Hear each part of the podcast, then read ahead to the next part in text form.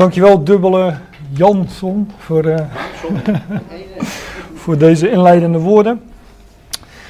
Ja, dit is het thema van, uh, van deze middag, de verborgenheid van zijn wil. En dubbele las zojuist vooruit, uh, ik meen de MBG-vertaling, want daar wordt dan gesproken... Oh, de herziene statenvertaling. Nou, die hebben dus ook het woord verborgenheid herzien en dat herschreven in geheimenis. Um, maar dat uh, is het vertaalwoord voor hetzelfde uh woord in de grondtekst. Ik kom daar nog wel op. Ik zeg er altijd bij, als ik, uh, ik kan nooit zo goed kiezen tussen geheim of geheimenis en verborgenheid. Maar over dat woord hebben we het straks nog wel, want we, we komen dat vanzelf tegen. Um, ik hoop dat ik niet te veel afgeleid word door het mooie uitzicht hier. maar het is gelukkig maar eenmalig dat we hier zitten, begreep ik. Dus uh, gelukkig tussen aanhalingstekens. Maar het is een mooie locatie. Dus uh, nou, laten we het ook over, uh, over mooie dingen gaan hebben. Ik las van de week op Facebook bij jou, Nelly, een aankondigingetje uit de krant van. zal ook een, de Urke krant of zo, hoe heet het? Ja, Urke Land. Ja, bijna hetzelfde. een aankondigingetje en daar, daar stond boven, dan moesten ze natuurlijk een kort kopje verzinnen zijn wil. Toen dacht ik van ja, dat blijft het toch nog verborgen. He, want waar het specifiek over gaat is niet zijn wil, maar wat, wat Paulus bekend maakte, is de verborgenheid van zijn wil. En daar zou dan ook meer de nadruk uh, op moeten leggen, op de verborgenheid of het geheim van zijn wil. Want zijn wil, ja, als het erover gaat, uh, de oud-testamentische schriften openbaren, openbaren Gods wil. Hè? Dat, uh, eigenlijk gaat, is heel de schrift een openbaring van, uh, van Gods wil. En dat vinden we natuurlijk al bij de oud-testamentische profeten. Gods wil met Israël, met de volkeren en uh, ja, met heel zijn schepping. Dat, dat vind je in het Oude Testament. Ehm, ik, ik had daar zo wel diaatjes met tekst uit het Oude Testament voor kunnen nemen om dat te laten zien. Maar die moeite heb ik niet eens genomen. Maar wat Paulus bekend maakte, is iets wat tot dan toe verborgen of geheim was gebleven. Een deel van Gods wil, wat, wat tot dan toe verborgen was. Nou, dat uh, zet hij uiteen, bijvoorbeeld in, uh, in Efeze, waar ik uh, deze middag naartoe wil gaan. En zojuist las dubbel een, eh, een paar versen uit, uh, uit Romeinen. Romeinen 16, vers 25 en 26 en een, gedeelte daarvoor.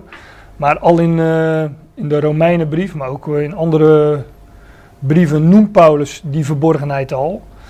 Alleen in Romeinen doet hij dat heel kort en krachtig. Hij noemt dat. Hij zegt eigenlijk van ja, ik weet, ik weet hiervan. Maar dan gaat het niet uitleggen in Romeinen.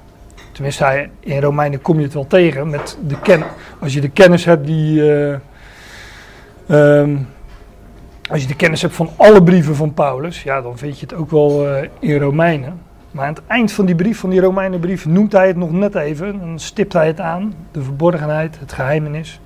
Maar in Efeze doet hij het volledig uit de doeken. Niet alleen in Efeze, maar ja, ik, uh, uh, ik wil vanmiddag het over deze, uh, dit thema hebben, deze term, de verborgenheid of het geheim van zijn wil. En ja, dat vinden we in, uh, in Efeze 1. We vinden dat pas in Efeze 1 vers 9. En um, wie een beetje bekend is met, met die Efezebrief, weet dat Paulus daar meteen, ja, hoe zeg je dat? Meteen van wal steekt en er uh, geen doekjes om bindt. En meteen in die eerste verse van Efeze de zegeningen gaat opsommen die wij in Christus hebben. En ik kan niet al die versen bespreken, maar ik wil er toch wel iets van laten zien. Uh, als inleiding naar vers 9 toe. En ik pak even de draad op in uh, vers 3. De eerste twee versen, daar doet hij de groeten en stelt hij zich voor. Ook niet onbelangrijk, maar daar ga ik nu even aan voorbij. In vers 3 zegt Paulus: Gezegend zij de God en Vader van onze Heer Jezus Christus. Gezegend, hè, dat is geloofd, geprezen. Letterlijk is het goed spreken van. Ehm, gezegend, in, in het Hebreeuws is zegenen, overigens, uh, het Hebreeuwse woord daarvoor is baruch. Dat heeft alles met knielen te maken. Dus wanneer wij knielen, uh, wanneer wij ons onderwerpen aan Hem, ja, daarin ligt de zegen. Wanneer wij Hem danken voor wie Hij is, dat Hij God is. Hè, gezegend zij de God en Vader van onze Heer Jezus Christus, die ons in Christus zegent.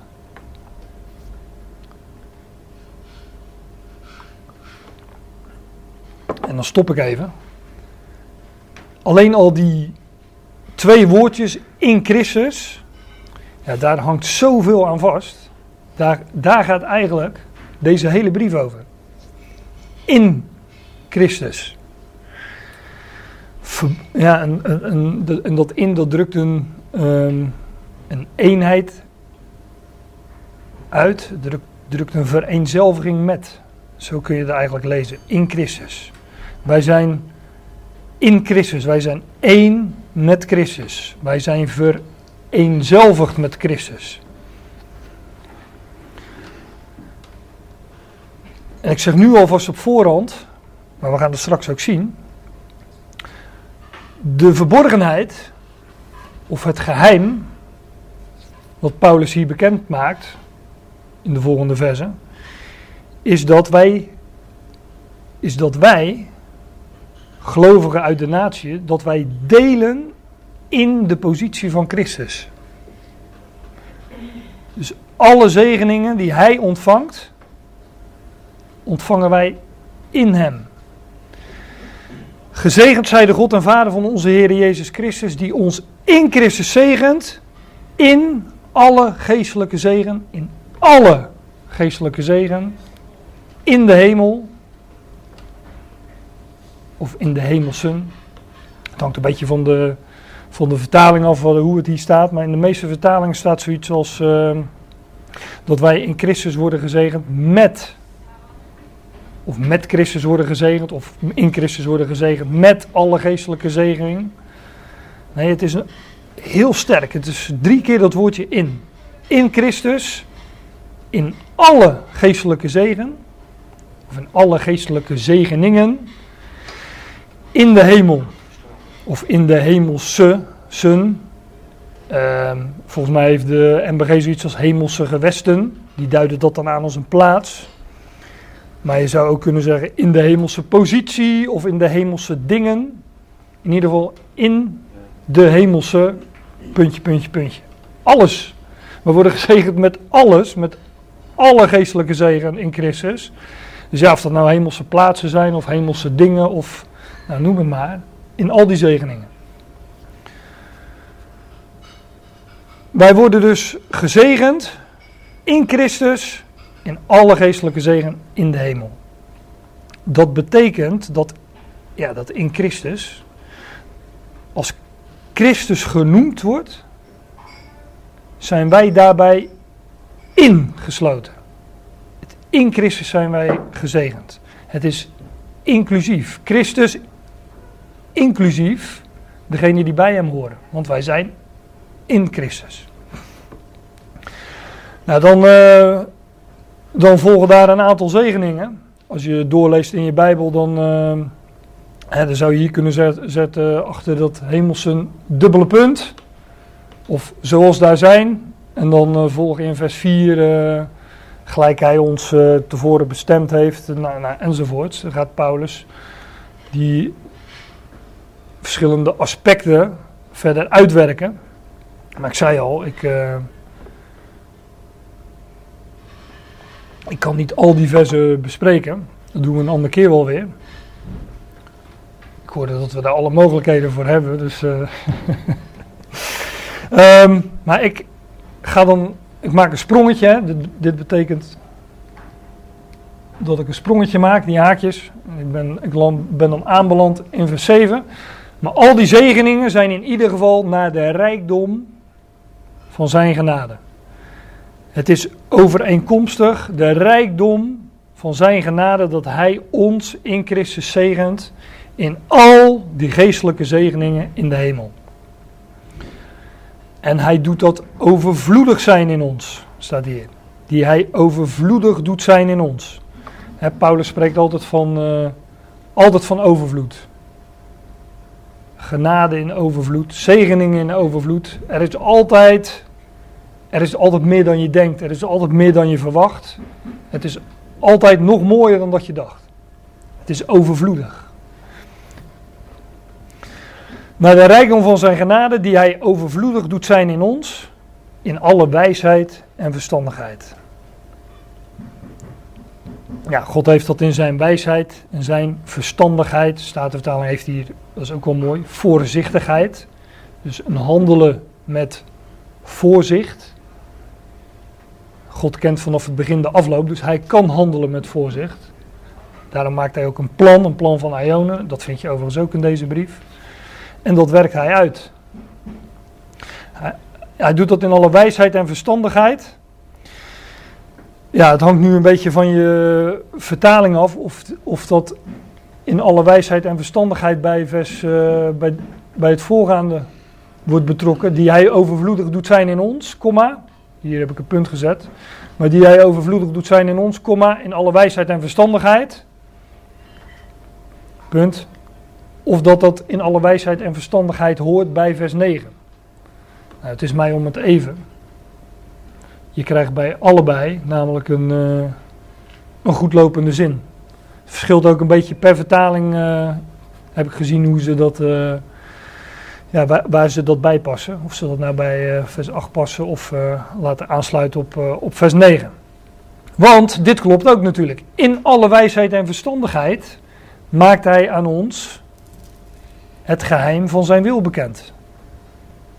Ik heb hier het woord geheim dan toch maar overgenomen. Maar hij maakt aan ons het geheim van zijn wil bekend. Het geheim van de wil van hem. Kijk, ik gaf in het begin al even aan. God maakt natuurlijk in de schrift zijn wil bekend. Alleen hier gaat het erover dat, dat er een deel van Gods wil verborgen was gebleven. En God maakt in alle wijsheid en verstandigheid aan ons, zegt Paulus, het geheim of de verborgenheid van zijn wil bekend. Via Paulus wordt het nu bekendgemaakt en dat is, uh, dat is Gods welbaren. Dit woordje geheim of verborgenheid, dat is het Griekse woord mysterion. Nou ja, daar, daar herkennen we ons woord uh, mysterie nog in.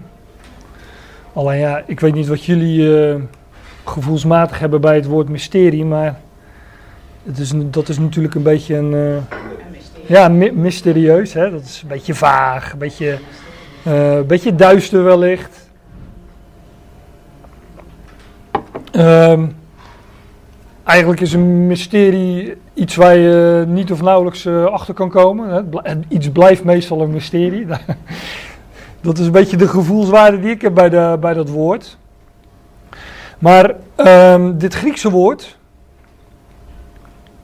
mysterion, nou, dat wordt, is letterlijk geheim of verborgenheid, statenvertaling en uh, herzien, herziene statenvertaling en MBG hebben geheimenis.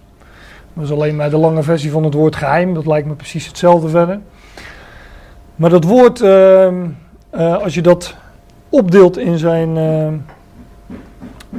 Uh, als je dat woord opdeelt, als je het uit elkaar trekt, is het opgedeeld uit twee woorden. En dat is dicht doen plus bewaren.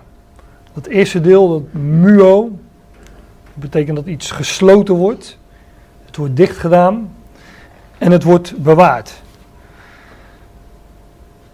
Dit deel van Gods wil dat Paulus hier bekend gaat maken, dat is dus bewaard, maar het was gesloten. God had dat uh, ja, dicht gedaan, om het dan letterlijk zo te zeggen. Het was verborgen.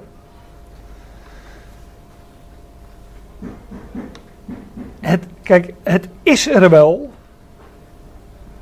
maar zonder de sleutel of, ja, of de juiste code. Ik had in het begin een, uh, een plaatje van een. Uh, zo'n. Uh, hoe heet dat ook weer? Ja, van een, van een brandkluis, zo'n zo, zo knop. Maar als je de juiste code niet kent, dan, ja, dan krijg je die kluis niet open. Als je de sleutel niet hebt, krijg je de deur niet open. Als Paulus dit geheimenis niet bekend had gemaakt, dan was het verborgen en geheim gebleven. Maar Paulus maakt het bekend en met de kennis die hij ons uh, geeft, met, de, met, met wat hij ons bekend maakt, kunnen we het terugvinden in de schrift waarin het verborgen ligt. Dus God heeft het, uh, God heeft het, God heeft het bewaard in zijn woord. Het was dicht gedaan, het was toegesloten, hè, dicht gedaan, gesloten, maar het is er wel. Allee, en, en met de kennis die Paulus ons geeft, kunnen we het vinden in bijvoorbeeld het, uh, het Oude Testament. En ik, Paulus laat het zelf in dit hoofdstuk zien. Dus ik ga dat nu, uh, ik ga dat nu niet aantonen, we komen er vanzelf op. Hij maakt aan ons het geheim, de verborgenheid van zijn wil bekend, naar zijn welbehagen. Overeenkomstig zijn welbehagen. Hij had daar een, uh, ja, een, uh, God had daar een welbehagen in om, het, om, dit, om dit zo te doen. Om, om, en ook om dat geheim, die verborgenheid bekend te maken dat hij zich voornam in hem. Toen, uh, dat, het lag dus al vast in hem, in Christus. En toen God zich voornam wat hij in Christus zou doen, had hij zich daarbij dus nog iets voorgenomen, wat tot dan toe verborgen en geheim was gebleven. En dat, dat is verborgen gebleven, geheim gebleven, totdat Paulus het bekend maakte. Hij maakt ons het geheim, de verborgenheid van zijn wil bekend, naar zijn welbaren dat hij zich voornam in hem. Nou, wat dan? Tot beheer van de compleetmaking van de bestemde tijden. dat is nogal een zin, letterlijk. Tot in, of om, tot in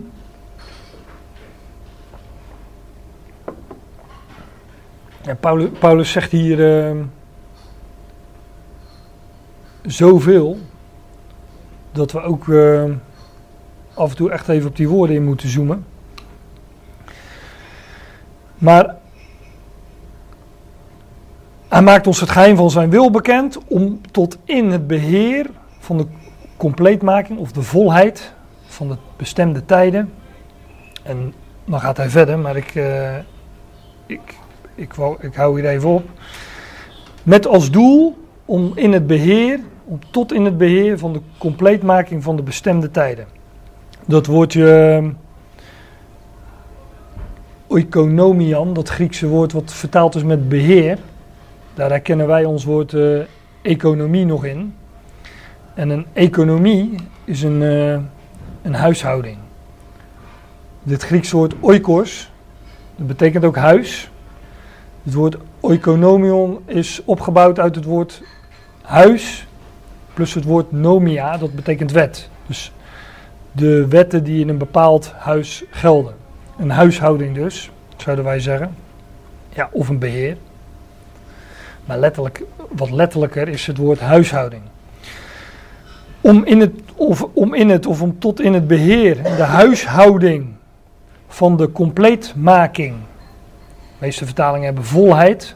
Maar iets tot volheid brengen is ook iets compleet maken. Completering. Van de tijden. Dus de tijden zullen tot volheid worden gebracht. God gaat de tijden completeren. God heeft, ik zei, al, ik zei zojuist al, God heeft een plan van ionen, van wereldtijdperken. Maar die tijden die zullen gecompleteerd worden, die zullen tot volheid worden gebracht. Wij leveren nu overigens niet. Wij leveren nu overigens ook in een huishouding, die noemt Paulus ook in Efeze 3. Dat heet de huishouding, het beheer van de genade van God. Paulus zegt in twee hoofdstukken verder, aangezien jullie zeker horen van het beheer of van de huishouding van de genade van God, dat aan mij gegeven wordt voor jullie. Gaat nu niet over Efeze 3 hebben verder.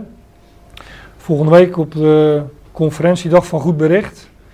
Dan uh, wil ik het over een, uh, ja, een onderwerp uh, hebben wat hier alles mee te maken heeft. Het geheim of de verborgenheid van de Christus. En dan zal, ik, zal ik wat meer vertellen over Efeze 3. Maar wij leven nu in een, een huishouding van genade. En die huishouding die was aan Paulus gegeven. De, de huishouding, het beheer van de genade van God. In deze tijd, in deze huishouding, is genade dat wat ja, heerst. Genade heerst. Aangezien jullie zeker horen van het beheer van de genade van God. Nou, terug naar Efeze 1. Daar zegt Paulus om tot in het beheer van de compleetmaking van de volheid van de tijden. Dus om het al En wat is dat het al? Nou, zowel wat in de hemelen als wat op de aarde is. Staat er meteen achter. Om het al, of alles, zowel wat in de hemelen als wat op de aarde is, dan in Christus samen te vatten. In uh, Filippenzen 2 spreekt, dus ook Paulus, spreekt hij over dat elke knie gaat buigen. En dan zegt hij van hemelsen, van aardsen en van onderaardsen. Van dat wat in de hemel, wat op de aarde en dat wat onder de aarde is. En hier wordt gesproken over het al, wat in Christus wordt samengevat. Daar kom ik straks natuurlijk op. Zowel wat in de hemelen als wat, wat op de aarde is, dat wordt in Christus samengevat. En dat gebeurt in de huishouding, in, de, uh, in het beheer uh, anderen zeggen wel de bedeling. Zo wordt het ook wel vertaald. Ik meen dat uh, Statenvertaling dat heeft. De bedeling van de volheid der tijden. Nou, dat is dus de huishouding van de volheid van de tijden. Wanneer de tijden tot, uh, ja, tot volheid worden gebracht aan het einde van de Ionen. Dan wordt zowel wat in de hemelen als wat, wat op de aarde is, in Christus samengevat.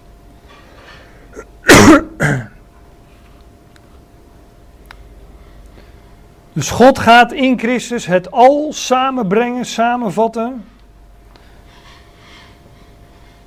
En dat doet hij in de huishouding van de volheid der tijden. Om die term dan maar even aan te houden. Dat is wel mooi, want de, kijk, dit is de letterlijke tekst, letterlijke vertaling van dit Griekse woord. Alleen de MBG heeft dat wel mooi weergegeven onder één hoofd samen te vatten.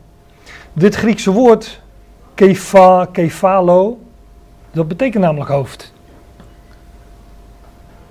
Dus dat in Christus, dat samenvatten is, is eigenlijk letterlijk onder één hoofd samenbrengen. Dus deze hele schepping wordt onder één hoofd samengevat. Dat, um, ja, dat is het geheim, de verborgenheid van zijn wil. Maar nu zeg ik het niet helemaal goed. Want dat de hele schepping onder één, namelijk onder de Messias, zou worden samengebracht. Ja, dat is iets wat we in het Oude Testament ook vinden. En niet verborgen, maar dat wordt gewoon letterlijk uh, zo genoemd. In alle openheid. Maar wat Paulus naar voren brengt, is dat het al, zowel het in de hemel als wat op de aarde is, in Christus wordt samengevat. Samen te vatten het al of de alles, maar dat, zo zeggen wij dat niet in het Nederlands, he, de alles. Misschien op Urk wel, dat weet ik niet, maar nou ja. Uh, om, het, uh, om het al samen te vatten, of het heelal, of alles samen te vatten in de Christus. En de Christus, dat is niet, de, ja, het klinkt bijna blasfemisch als ik, het als ik het zeg, dat is niet slechts Jezus Christus, maar dat is Christus en zijn lichaam. Hoofd en lichaam. En het geheim van zijn wil, de verborgenheid van zijn wil, dat wat tot dan toe verborgen was gebleven, is dat wij als Ecclesia, als gemeente, als lichaam van Christus, delen in zijn positie. En dat wij er dus bij ja, betrokken zullen worden, dat is nog zwak uitgedrukt. Maar dat wij, wanneer het al, zowel wat in de hemel als wat op de aarde is, in Christus wordt samengebracht, dat wij daar in die positie van Christus delen. En meehelpen dan. Hm? En meehelpen zometeen. Ja. Ja. Zijn voeten Ja. te brengen. Ja, ja daar, ko- daar komen we nog op, want dat is, eh, ja, dat is het einde van Efeze. hè. Onder zijn voeten brengen, ja, alles zal onder zijn voeten worden gesteld. Maar zoals gezegd, daar komen we op. Dus, eh, kijk, wat het vervolg, in het vervolg zegt eh, Paulus, in hem, in Christus, in wie ook ons lotsdeel werd toebedeeld. Meestal wordt er in de vertalingen gesproken van een erfenis, maar letterlijk, staat hier, letterlijk gaat het hier om een lotsdeel. Ik vind dat woord eh, erfenis prima hoor, eh, om dat te gebruiken. Alleen wij ontvangen pas ehm, de erfenis als er iemand eh, overleden is. Dan, dan ontvangen wij de erfenis. Maar hier gaat het erover dat wij in hem dat lotsdeel al hebben. Dat werd ons al toebedeeld. En een, een, een lotsdeel, dat woord geeft ook aan dat we daar, we hebben daar een aandeel in, maar dat is ons, dat is ons lot. Het is ons als, als het ware door het lot toegeworpen, door het lot toebedeeld.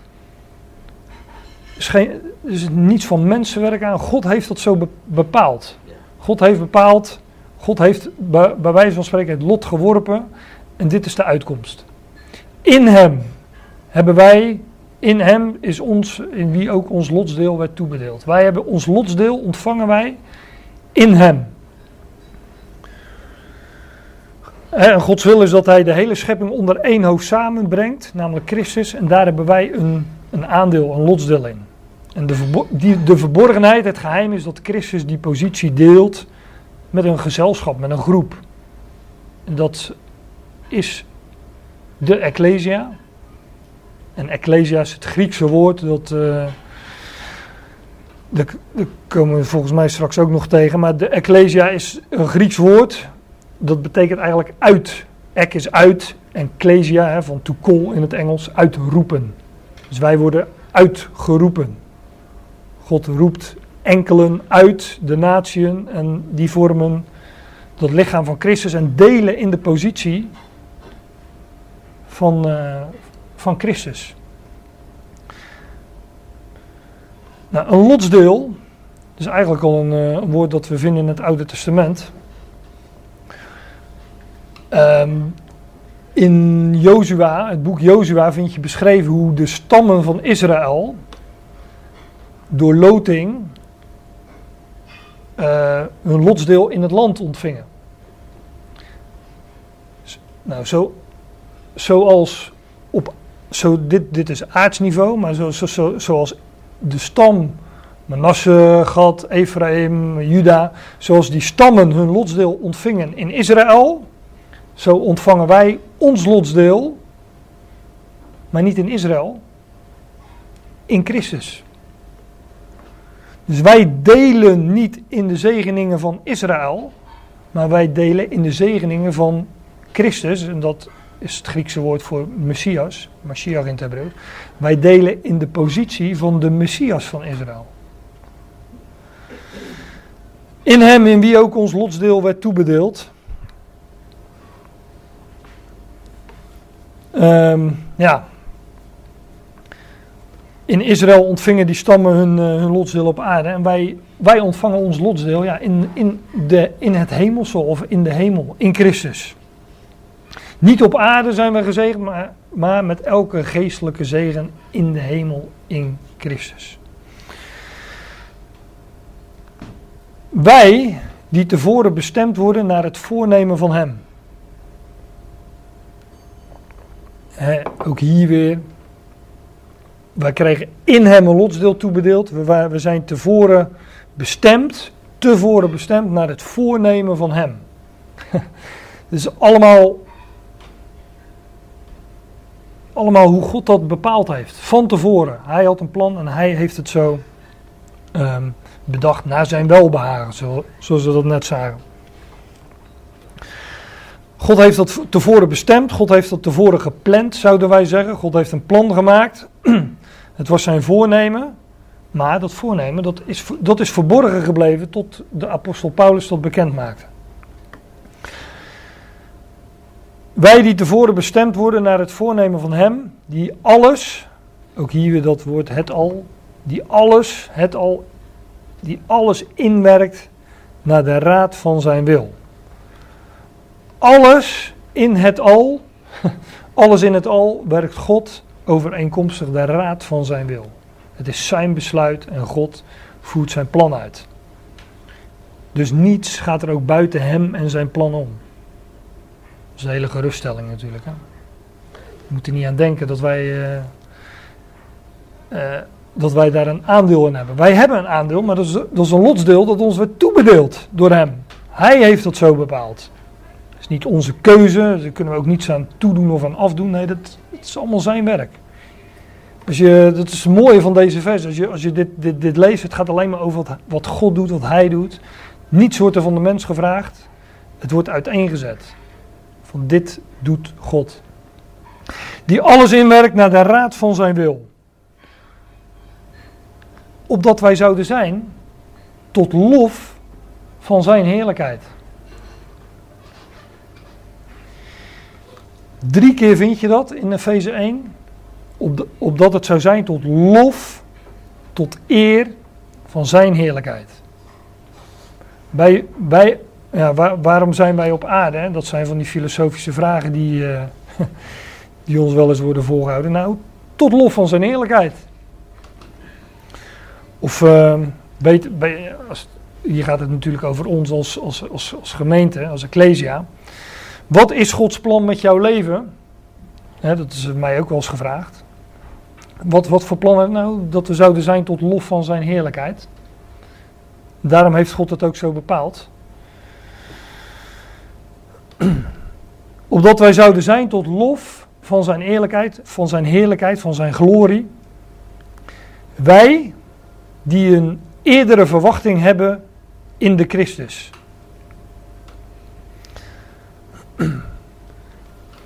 Ja, letterlijk staat hier, daar had ik wellicht beter even een diertje van kunnen maken, maar letterlijk staat hier een voorhoop. Wij hebben een eerdere verwachting in de Christus, wij hebben een, een, een, een voorhoop. Kijk, wat Paulus hier uiteenzet is dat het heelal zal worden samengebracht onder Christus. Maar hij zegt hier, wij hebben een voorhoop. Wij hebben een eerdere verwachting in de Christus. Wij delen nu al in wat straks de hele schepping ten deel zal vallen. Hij spreekt hier over, uh, over een voorhoop. Dat betekent dus ook dat er een, uh, wij hebben een eerdere verwachting. Er is een bepaalde rangorde. Zoals hij dat bijvoorbeeld ook in 1 Korinthe 15 uiteenzet over de levendmakingen. Nou, dat gebeurt in bepaalde volgorde. Heeft God, dat heeft God zo bepaald. En wij hebben daar nu al deel aan. Wij hebben een, uh, een voorhoop. En dus ook, uh, ook voorpret. Het woord voorpret is dat je van tevoren al pret hebt, omdat je, dat je blijdschap hebt over iets waarvan je weet, ja, dat gaat komen. Nou, wij kunnen ons daarin uh, in verblijden. Uh, misschien dat we nog mensen even wat insturen. Nou, wellicht. Als we klaar zijn, komen wij zelf wel. Is goed. Nee, super. Oké, okay, niet gestoord. Dankjewel.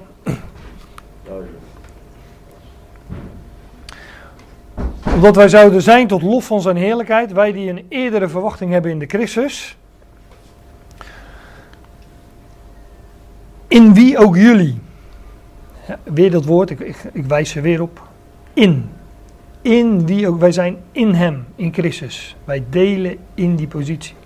Het, het is zo'n klein woordje dat in, waar je zo makkelijk overheen zou lezen, maar ga, die brieven maar lezen en onderstreep elke keer of omcirkelt het woordje in maar eens. En sta er dan bij stil van wat, wat het eigenlijk inhoudt. Hè? Dat we delen in zijn positie. In wie ook jullie, horende het woord van de waarheid. Het woord van de waarheid, wat, wat, nou welk woord van de waarheid? Nou, het goede bericht van jullie redding.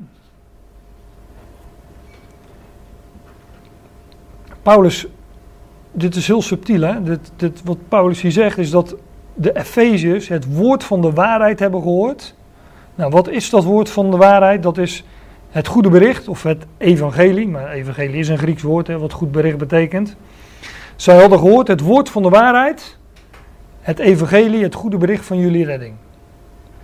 Het goede bericht, het evangelie, is namelijk, je wordt gered. Is niet van als jij dit doet dan, of dat doet, of zo zo zo doet, dan word je gered. Nee, het woord van de waarheid is, God is jouw redder. Zoals Paulus dat in uh, nou ja, 1 Timotheüs 4 naar voren brengt. Hè, dat wij onze hoop gevestigd hebben op de levende God. Die redder of de redder is. Die redder is van alle mensen. Hij is redder. Ze zijn welkom, maar. Zou dat door 1 Timotheüs 4 vers 10 komen? Of, uh... dat heb ik vaker hoor, als ik dat vers noem dat mensen weglopen. Maar, maar hij is redder. Die de redder is van alle mensen. Dat is het goede bericht, het evangelie van jullie redding. Dat Paulus de Efeziërs had verteld. Ja, en dan zegt hij nog achter. Vooral van gelovigen. Maar dat is die voorpret. Hè? Dat is die eerdere verwachting, die voorhoop die wij hebben. Hij is redder van alle mensen, maar wij hebben een voorhoop. En dus vooral, voor alles, voor, dat, voor het al zal volgen. Hè? Dus dat uh, vooral is letterlijk voor alles. Dus wij zijn voor de redding van allen. Wij, zijn, ja, wij, wij hebben daar nu al kennis van. Wij, en daar hebben wij ook, uh, nou ja, daar kunnen we ons nu al in verblijden. We hebben dus een, een voorhoop hè, en uh, we hebben het woord, Paulus zegt, het horende, het woord der waarheid, het woord van de waarheid, het goede bericht, het evangelie van jullie redding. In wie, in wie, in, weer dat in, in wie ook jullie, gelovende, en wat gelovende, wat, wat geloofden de Efeziërs? Nou, zij geloofden het evangelie van hun redding. Namelijk het woord van de waarheid. Dat geloofden ze. Ze geloofden niet dat er een God is of zo, maar ze geloofden dat de God de redder is. Hun redder. Want ze geloofden het goede bericht van hun redding. Nou, dat is dus het woord van de waarheid. In wie ook jullie gelovenden worden verzegeld met de Heilige Geest van de belofte. Wij worden wanneer we deze boodschap geloven, worden wij verzegeld met de Heilige Geest van de belofte. Of de beloofde Heilige Geest.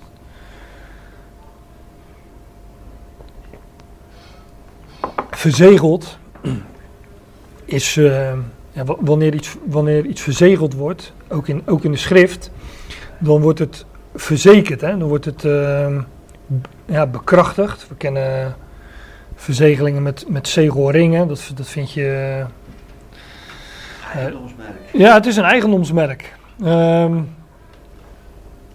het is een, het is een eigen, uh, onder, onder bepaalde belangrijke documenten werd, werd het zegel van de, van de koning gedrukt, hè, met, met de zegelring. Maar ook het graf van, uh, het graf van Jezus werd bijvoorbeeld verzegeld. Niet lang natuurlijk, duurde maar drie dagen, maar Um, dat had, uh, het, het, heeft het heeft ook met bescherming te maken. Wanneer iets verzegeld is, dan is het bekrachtigd, dan is het verzekerd. Uh, het eigendomsmerk staat erop. En ehm, ja, het is beschermd en eh, bewaard. Dat staat dan ook in het vervolg. In wie jullie ook, ook jullie geloven, worden verzegeld met de Heilige Geest van de belofte. Die een onderpand is. Van ons lot, lotbezit. Dat lotsdeel waar het al eerder over ging. De geest die we nu ontvangen is dus een onderpand. Een, ja, een, een aanbetaling zou je kunnen zeggen. Of een, eh, of een garantie, dat is denk ik een beter woord. Een garantie van het lotbezit dat wij hebben ontvangen. Want wij hebben dat al ontvangen, alleen dat ja, het is verborgen. We zien het niet.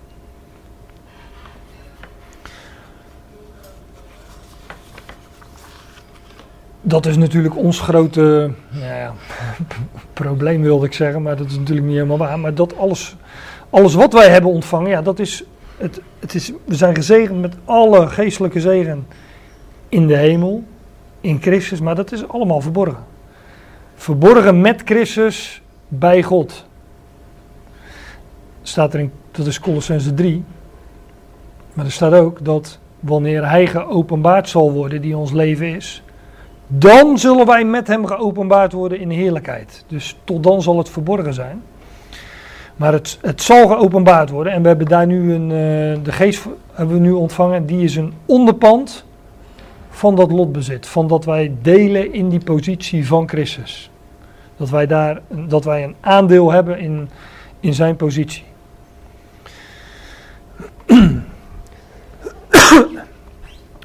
Tot verlossing van dat wat verkregen is.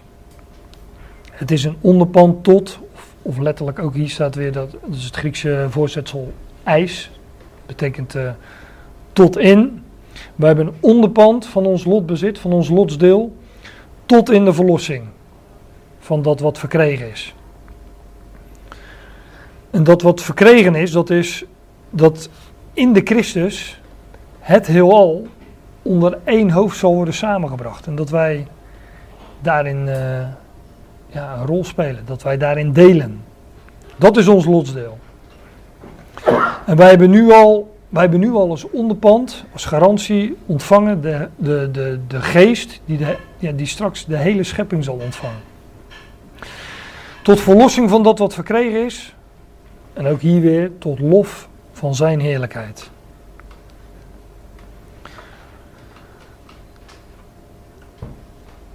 En dan gaat Paulus verder in vers 15.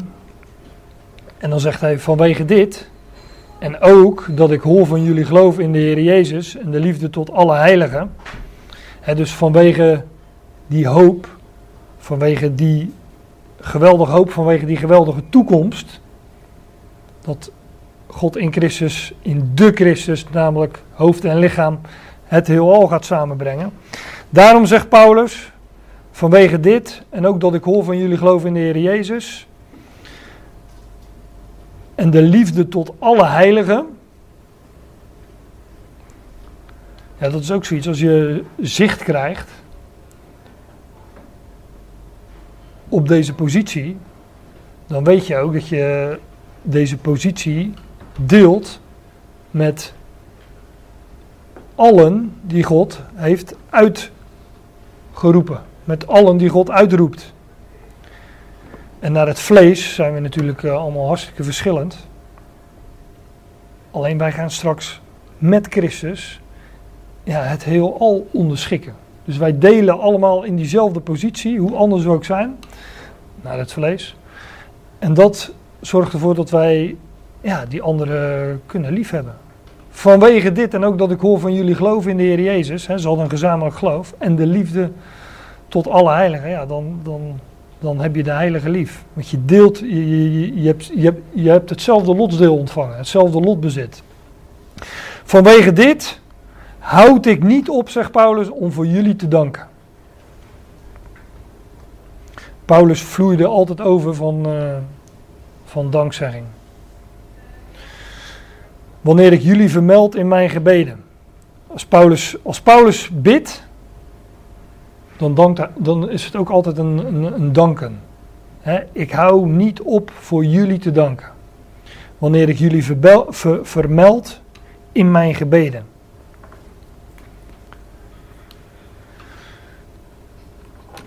ja, het woord gebed, dat is wel mooi. Dat wilde ik, dat wilde ik toch eens, een, eh, toch eens uitlichten. Ook dat woord gebed, dat Griekse woord wat hier staat, dat is weer opgebouwd uit verschillende delen. En dat is dit woord naartoe, pros, uh, pros of, en uh, pros betekent naartoe, eu, dat kennen we van uh, euagelion, dat is evangelie. Dus eu is goed, hè, goed bericht, euagelion. Goed of wel. En dit woordje egomen is dat dan, dat is uh, hebben. Letterlijk staat hier dat gebed is naartoe, dat drukt dus een bepaalde richting uit. Je bent naartoe goed gericht. Dat staat er eigenlijk. Dus je richting wel of goed hebben. Dus wanneer wij bidden, het is niet zomaar het opzeggen van een, uh, gebedje of een, weet ik veel, een formuliergebed. Nee, dit is een, ja, wat wij wel, misschien wel zouden noemen een biddende houding. Uh, als je de, de God kent waar, waar Paulus over spreekt en de zegeningen kent die hij ons geeft, ja, dan past er maar één manier, dat is, dat is hem te danken. En um, ja, de, hem te danken. En Paulus zegt, nou, wanneer ik jullie vermeld in mijn gebeden. En, en, en, en bidden is eigenlijk je, je richting goed hebben. Goed gericht zijn. Als ik het vrij vertaal. Je, je vizier op God gericht hebben en het van Hem verwachten. Dan ben je, ja, dan ben je in gebed. Maar ja, dat klinkt zo raar in het Nederlands, maar dat, dat is bidden. Die biddende houding, het van Hem verwachten. Het is niet zomaar het uh, opzeggen van, uh, van een gebed, dat is hooguit de uitdrukking van de houding die je hebt. Paulus hield niet op om te danken voor hun wanneer, hij hen, wanneer ik jullie vermeld in mijn gebeden. Dat de God van onze Heer Jezus Christus, de Vader van de heerlijkheid,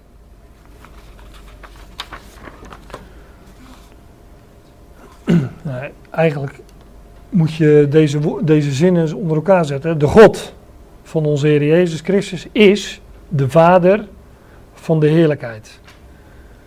Dus als je dat achter elkaar zet, is God de Vader van de verheerlijkte Christus. Daar gaat het hier over. De verheerlijkte Christus waaronder hij het al gaat samenvatten onder één hoofd. Dat de God van onze Heer Jezus Christus, de Vader van de heerlijkheid, ja, hij heeft die heerlijkheid nu al. Wij hebben het nu ook, alleen het is verborgen, maar dat zal geopenbaard worden. Dat de God van onze Heer Jezus Christus, de Vader van de heerlijkheid, aan jullie een geest van wijsheid en onthulling mogen geven. In het besef van Hem.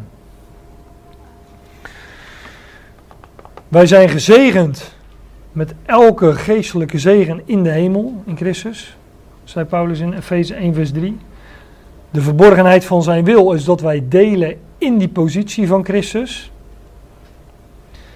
En Paulus bidt hier om een geest van wijsheid en onthulling. Hè, want het was verborgen, dus dat, Paulus maakt dat bekend. Dus daar ligt een. Uh, dat is de, ja, de, de, de bedekking moet daarvan af. Maar dat God, zijn gebed is dat, dat we een geest van wijsheid en onthulling mogen krijgen in besef van Hem. Paulus bidt dus om besef van die zegeningen die we al ontvangen hebben. Meer kunnen we niet krijgen, want we zijn gezegend met elke geestelijke zegen in de hemel. Maar Paulus bidt om besef daarvan. Dat we daadwerkelijk gaan zien wat we ontvangen hebben. Het zijn verborgen zaken, dus daar is wijsheid en onthulling of openbaring voor nodig. Dit woord uh, wat hier vertaald is met onthulling, dat kennen we wel, dat is apocalypsos. Nou, zo heet het laatste Bijbelboek, hè? openbaring, de openbaring, apocalypsos. En al die woorden onthulling, Wanneer een, eh, een standbeeld onthuld wordt, wordt er een, eh, meestal is dat een, eh, een doek of een deken, wordt er afgetrokken, dan wordt het onthuld. De bedekking gaat er vanaf. Nou, openbaring is ook, het, het moet, het moet geopend worden. Openbaren. Nou, dat de God van onze Heer Jezus Christus, de Vader van de heerlijkheid, aan jullie een geest van wijsheid en onthulling mogen geven in het besef van Hem. Geen besef van onszelf, geen besef, geen zondebesef, dat staat hier niet. Er staat hier ook geen besef dat, me, dat je je ellende leert kennen of iets dergelijks. Nee, besef van Hem. Want waarom besef van Hem? Nou, als je besef van, hebt van wie Hij is en wat Hij doet en wat Zijn positie is, dan heb je, dan heb je ook kennis en besef van je eigen positie. Want wij delen in die positie van Hem. En daar is wijsheid en onthulling voor nodig, want dat was verborgen.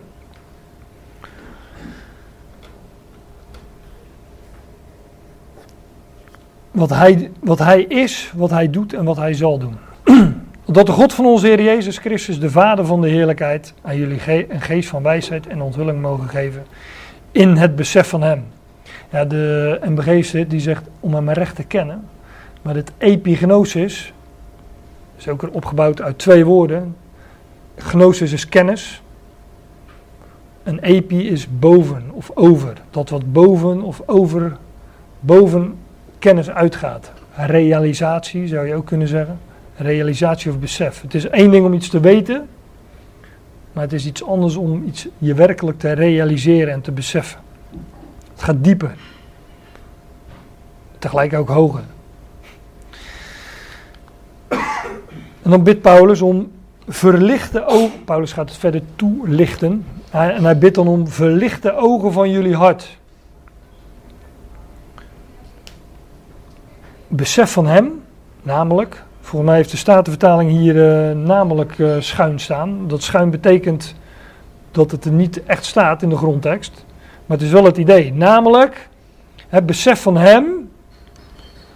Een geest van wijsheid en onthulling in het besef van hem. Namelijk verlicht de ogen van jullie hart. Paulus, het gebed van Paulus, wat hij, hier, uh, wat, wat hij hier op schrift stelt, is dat wij werkelijk gaan, gaan zien wat we, wat, wat we al ontvangen hebben.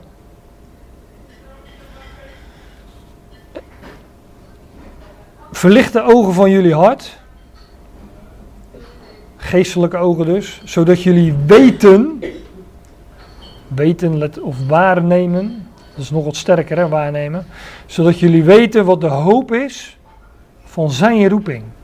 Ook hier weer. Het besef van hem. Verlicht de ogen van jullie hart, zodat jullie weten wat de hoop is van zijn roeping.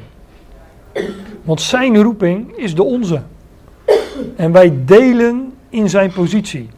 Dus daarom zouden wij licht krijgen op die verborgenheid. Zodat we zullen weten wat de hoop is van zijn roeping. Want wij, de verborgenheid van zijn wil, is dat wij delen in die roeping.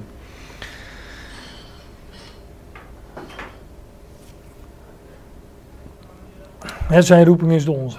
Uh, en wat de rijkdom is van de heerlijkheid, van zijn lotbezit, te midden van de heiligen.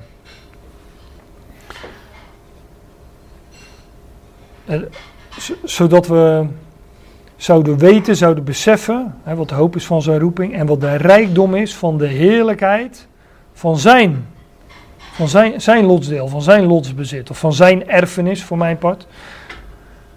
Te midden van de heiligen, dat, ook dat te midden, wat hier vertaald is met te midden, is weer gewoon dat ene Griekse woordje in. Hij heeft een lotbezit, hij heeft een, uh, God heeft hem um, God heeft hem een, eh, een, een roeping gegeven. En wij zouden beseffen wat de rijkdom is van de heerlijkheid van zijn lotbezit in de heiligen. Meestal in de Statenvertaling en MBG is als er achter dit woordje in een meervoud komt. Bij een enkelvoud staat er in. Bijvoorbeeld in Christus. Maar als er in de Statenvertaling of de MBG een meervoud achterin staat, dan wordt het meestal vertaald met onder. Zoals in Colossense 1 bijvoorbeeld, waar het over hetzelfde onderwerp gaat. Christus in jullie natieën. Christus onder jullie natie wordt het dan mee vertaald. Christus onder jullie. Letterlijk is dat Christus in jullie. En jullie in Christus. Dat is één. Wat de rijkdom is van de heerlijkheid van zijn lot bezit in of onder de heiligen.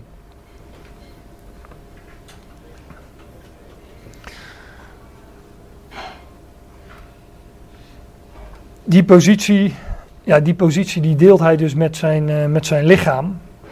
En die rijkdom die zouden we leren zien en zouden we ons uh, beseffen. En wat de overtreffende grootte is van zijn macht, zijn kracht voor ons die geloven. Ja, dit woordje um, kracht of macht is het woord uh, dynamisch, dat kennen wij ook. Een, een, dynamo, die hebben we geloof ik niet meer op onze fietsen tegenwoordig, maar het is, je hebt een, dynamo wekt kracht op, hè. Of uh, dynamiet is hier uh, ook nog van afgeleid. Dit woordje overtreffend bestaat ook uit twee woorden, hyper en ballo. Nou, hyper is over en ballo is werpen of treffen. En dit, woordje, dit woord kennen we ook nog, het woord grote, van het woord mega. Dus letterlijk staat er uh, wat, de, wat de overtreffende megakracht is. en dan staat hier voor ons die geloven. De Statenvertaling uh, heeft geloof ik zoiets als aan ons die geloven. Maar ook hier staat weer letterlijk in ons. Tot in ons. Wat de overtreffende megakracht, overtreffende megakracht is in ons die geloven.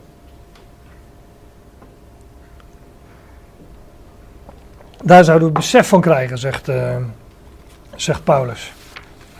Wat de overtreffende grootte is van zijn kracht of van zijn macht in ons die geloven. En dan naar de inwerking van de kracht van zijn sterkte.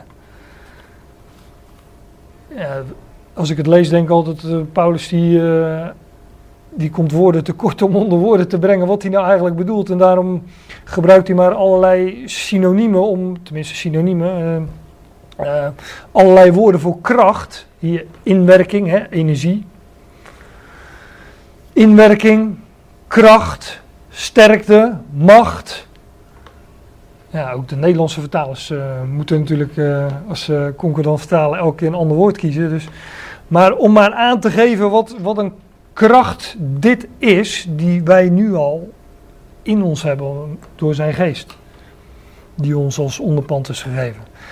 Na de inwerking van de kracht van zijn sterkte, die hij heeft ingewerkt in Christus. Ook hier staat overigens dat woord ingewerkt, is weer dit woord uit de vorige zinsdeel, Gean. Wat de overtreffende grootte is van zijn macht in ons die geloven, naar de inwerking van de kracht van zijn sterk die hij heeft ingewerkt in Christus. Wanneer hij hem opwekt uit de doden. Dus wat Paulus hier zegt is dat diezelfde kracht waarmee God Christus heeft opgewekt uit de doden, dat is nu al werkzaam in ons door zijn geest. Dat is, uh, dat is onvoorstelbaar. Opstandingskracht, inderdaad. Dat, uh, ja, dat is een mooi woord om dat samen te vatten in, in één woord. En er wordt ook hier, nogmaals, wordt hier helemaal niets gezegd over enige inbreng van, van ons. Of dat er iets van ons verwacht zou worden. Nee, dit, dit doet God.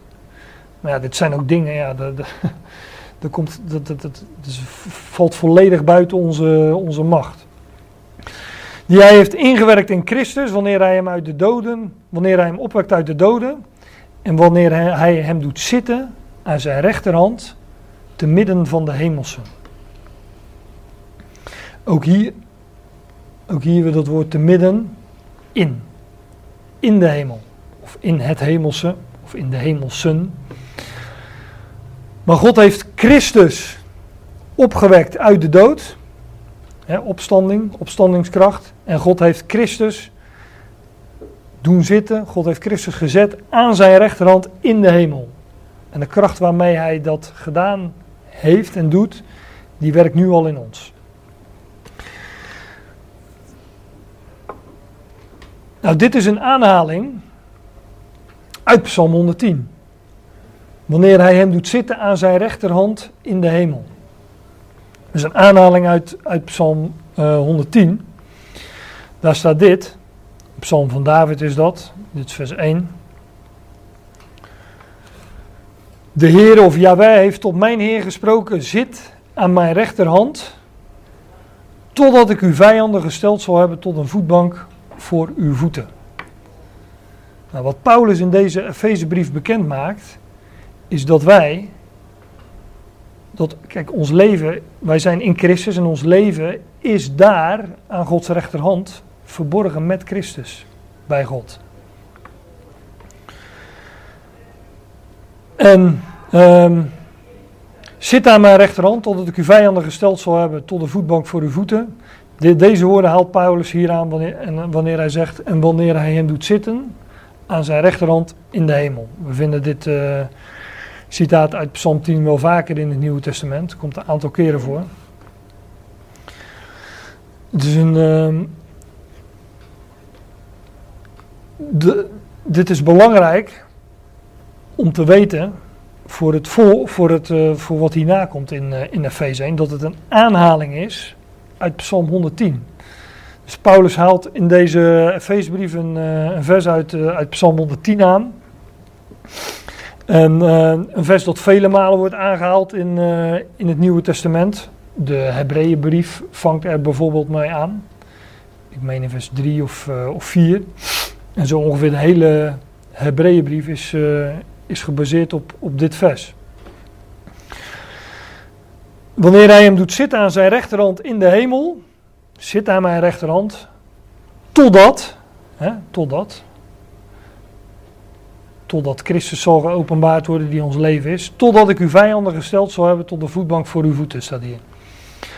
Boven alle overheid en autoriteit en macht en heerschappij en alle naam die genoemd wordt.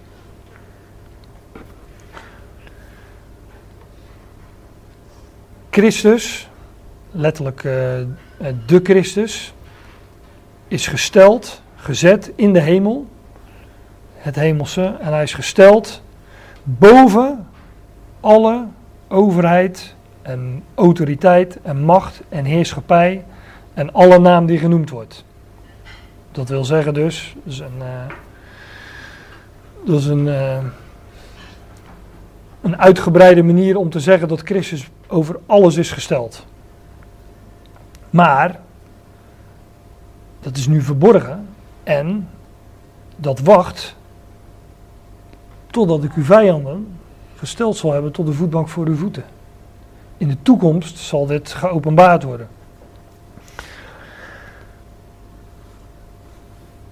Hij is gesteld boven alle overheid en autoriteit en macht en heerschappij en alle, die, alle naam die genaamd wordt.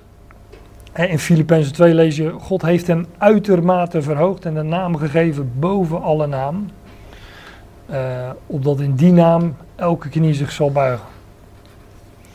Nou, niet alleen in deze aion, niet alleen in dit tijdperk, maar ook in de toekomende.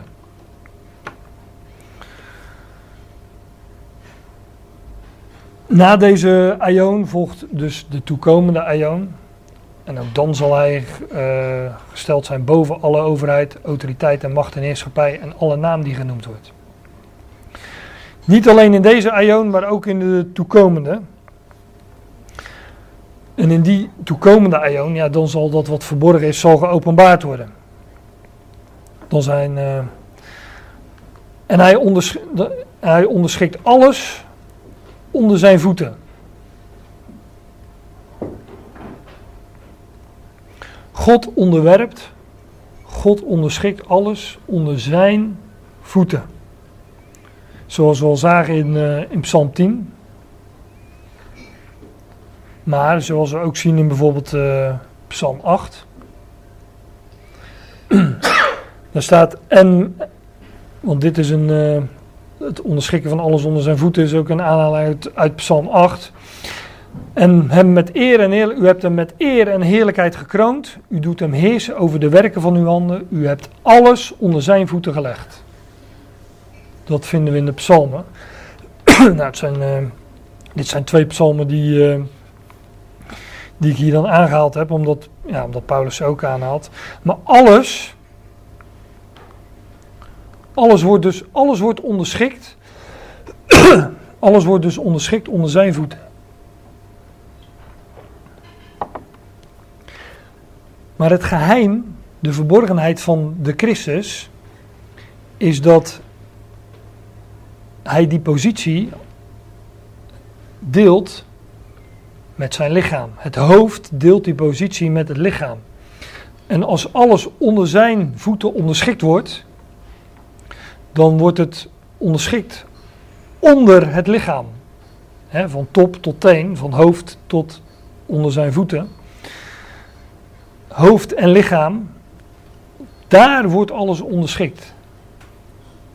Dus wij delen in die positie van Christus. En hoofd en lichaam, daar wordt alles onderschikt. En Paulus zegt, ja, dat vind je dus al in Psalm 110 en Psalm 8. Alleen wel verborgen. Wij zouden nooit op het idee gekomen zijn als we Psalm 110 of Psalm 8 lazen, lezen, om te denken van hé, hey, daar gaat het ook over ons. We zouden nooit op dat idee gekomen zijn. Maar Paulus laat ons hier zien door die schriftplaatsen aan te halen en om te zeggen van, om te laten zien dat alles onder de Christus, onder hoofd en lichaam wordt onderschikt en wordt gesteld. Dat vinden we al bijvoorbeeld in de psalmen. We vinden al in psalm 8 en 110, vinden we dat al beschreven. Ja, maar dat was dus verborgen. Dat was dus geheim. En uh, ja, Paulus heeft dat bekendgemaakt. En met die kennis, ja, vind je dat uh, door heel de schrift heen. Vind je de Ecclesia, de gemeente die de, de, de Ecclesia die zijn lichaam is, ja, die vind je in oud-testamentische typen, uh, in, in de psalmen. Maar ja, je moet, het moet je wel bekendgemaakt zijn. Anders was je niet op dat idee gekomen. Hij onderschikt alles onder zijn voeten. En hij geeft hem als hoofd over alles aan de uitgeroepen vergadering. Nou, hier hebben we dan eindelijk het woord ecclesia. De ecclesia. Ek is uit en ecclesia is uh, roepen, hè, dus uitroepen, uitroepsel. Maar het zit, zit, natuurlijk ook in dat wat uitgeroepen is, wel bij elkaar gebracht wordt. Namelijk in het lichaam van Christus. Dus wij worden uitgeroepen. Welk woord je ook gebruikt, ja, je moet het altijd toelichten, denk ik altijd. Wordt, uh, uh, het wordt vaak vertaald met gemeente. Maar ja, wat is een gemeente? Ik vroeg dat pas aan mijn kinderen en die zeiden van uh, de gemeente Hendrik Ido Ambacht. ja, daar, daar, daar, wonen wij. Dus nou ja, dat is, in, dat is natuurlijk ook wel een, zoals wij een gemeente kennen, gemeente Urk, is natuurlijk ook een een begrensd gebied. Niet iedereen behoort tot de gemeente Urk. Hm?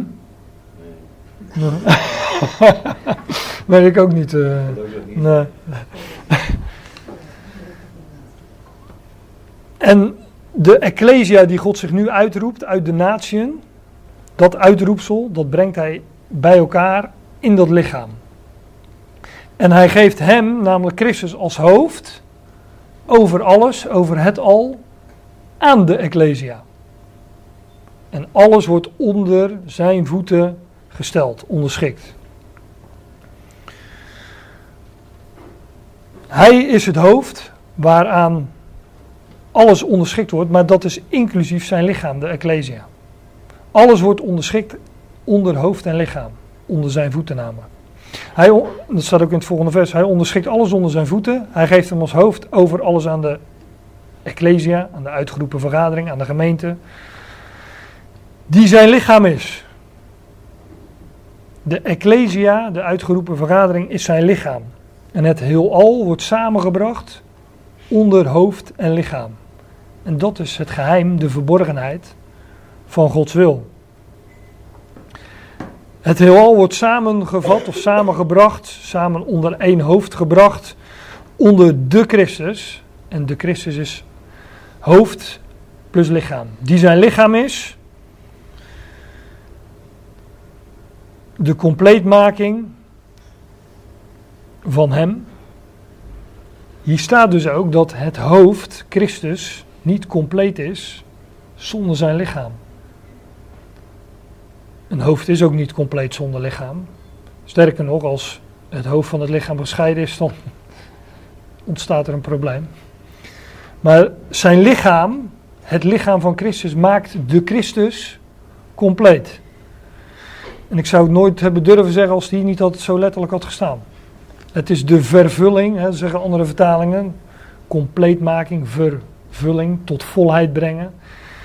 Zijn lichaam is de vervulling, de compleetmaking van hem. Ja, dat is zeker mooi. Zonder lichaam is hij dus niet van compleet en het lichaam brengt, het lichaam brengt, het lichaam van Christus brengt de Christus tot completering of tot volheid. En dat staat dus al in Psalm nou ja, 110, Psalm 8.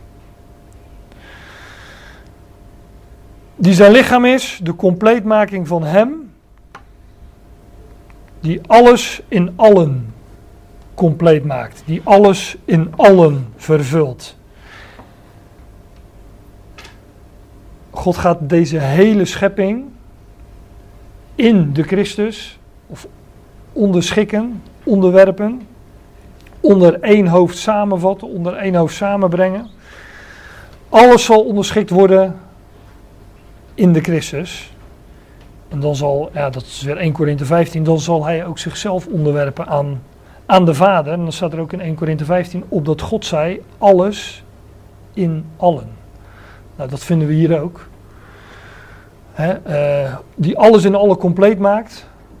In vers 10, even een terugblik naar vers 10, waar we zo ongeveer begonnen. Om het al, zowel wat in de hemelen als wat op de aarde is, in Christus, nee, in de Christus, namelijk hoofd en lichaam, samen te vatten. Onder één hoofd samen te brengen.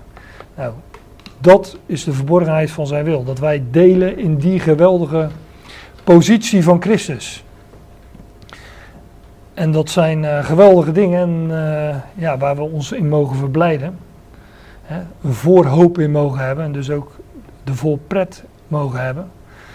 En waar we elkaar op mogen wijzen en uh, nou ja, zo heb ik dat uh, deze middag maar eens gedaan.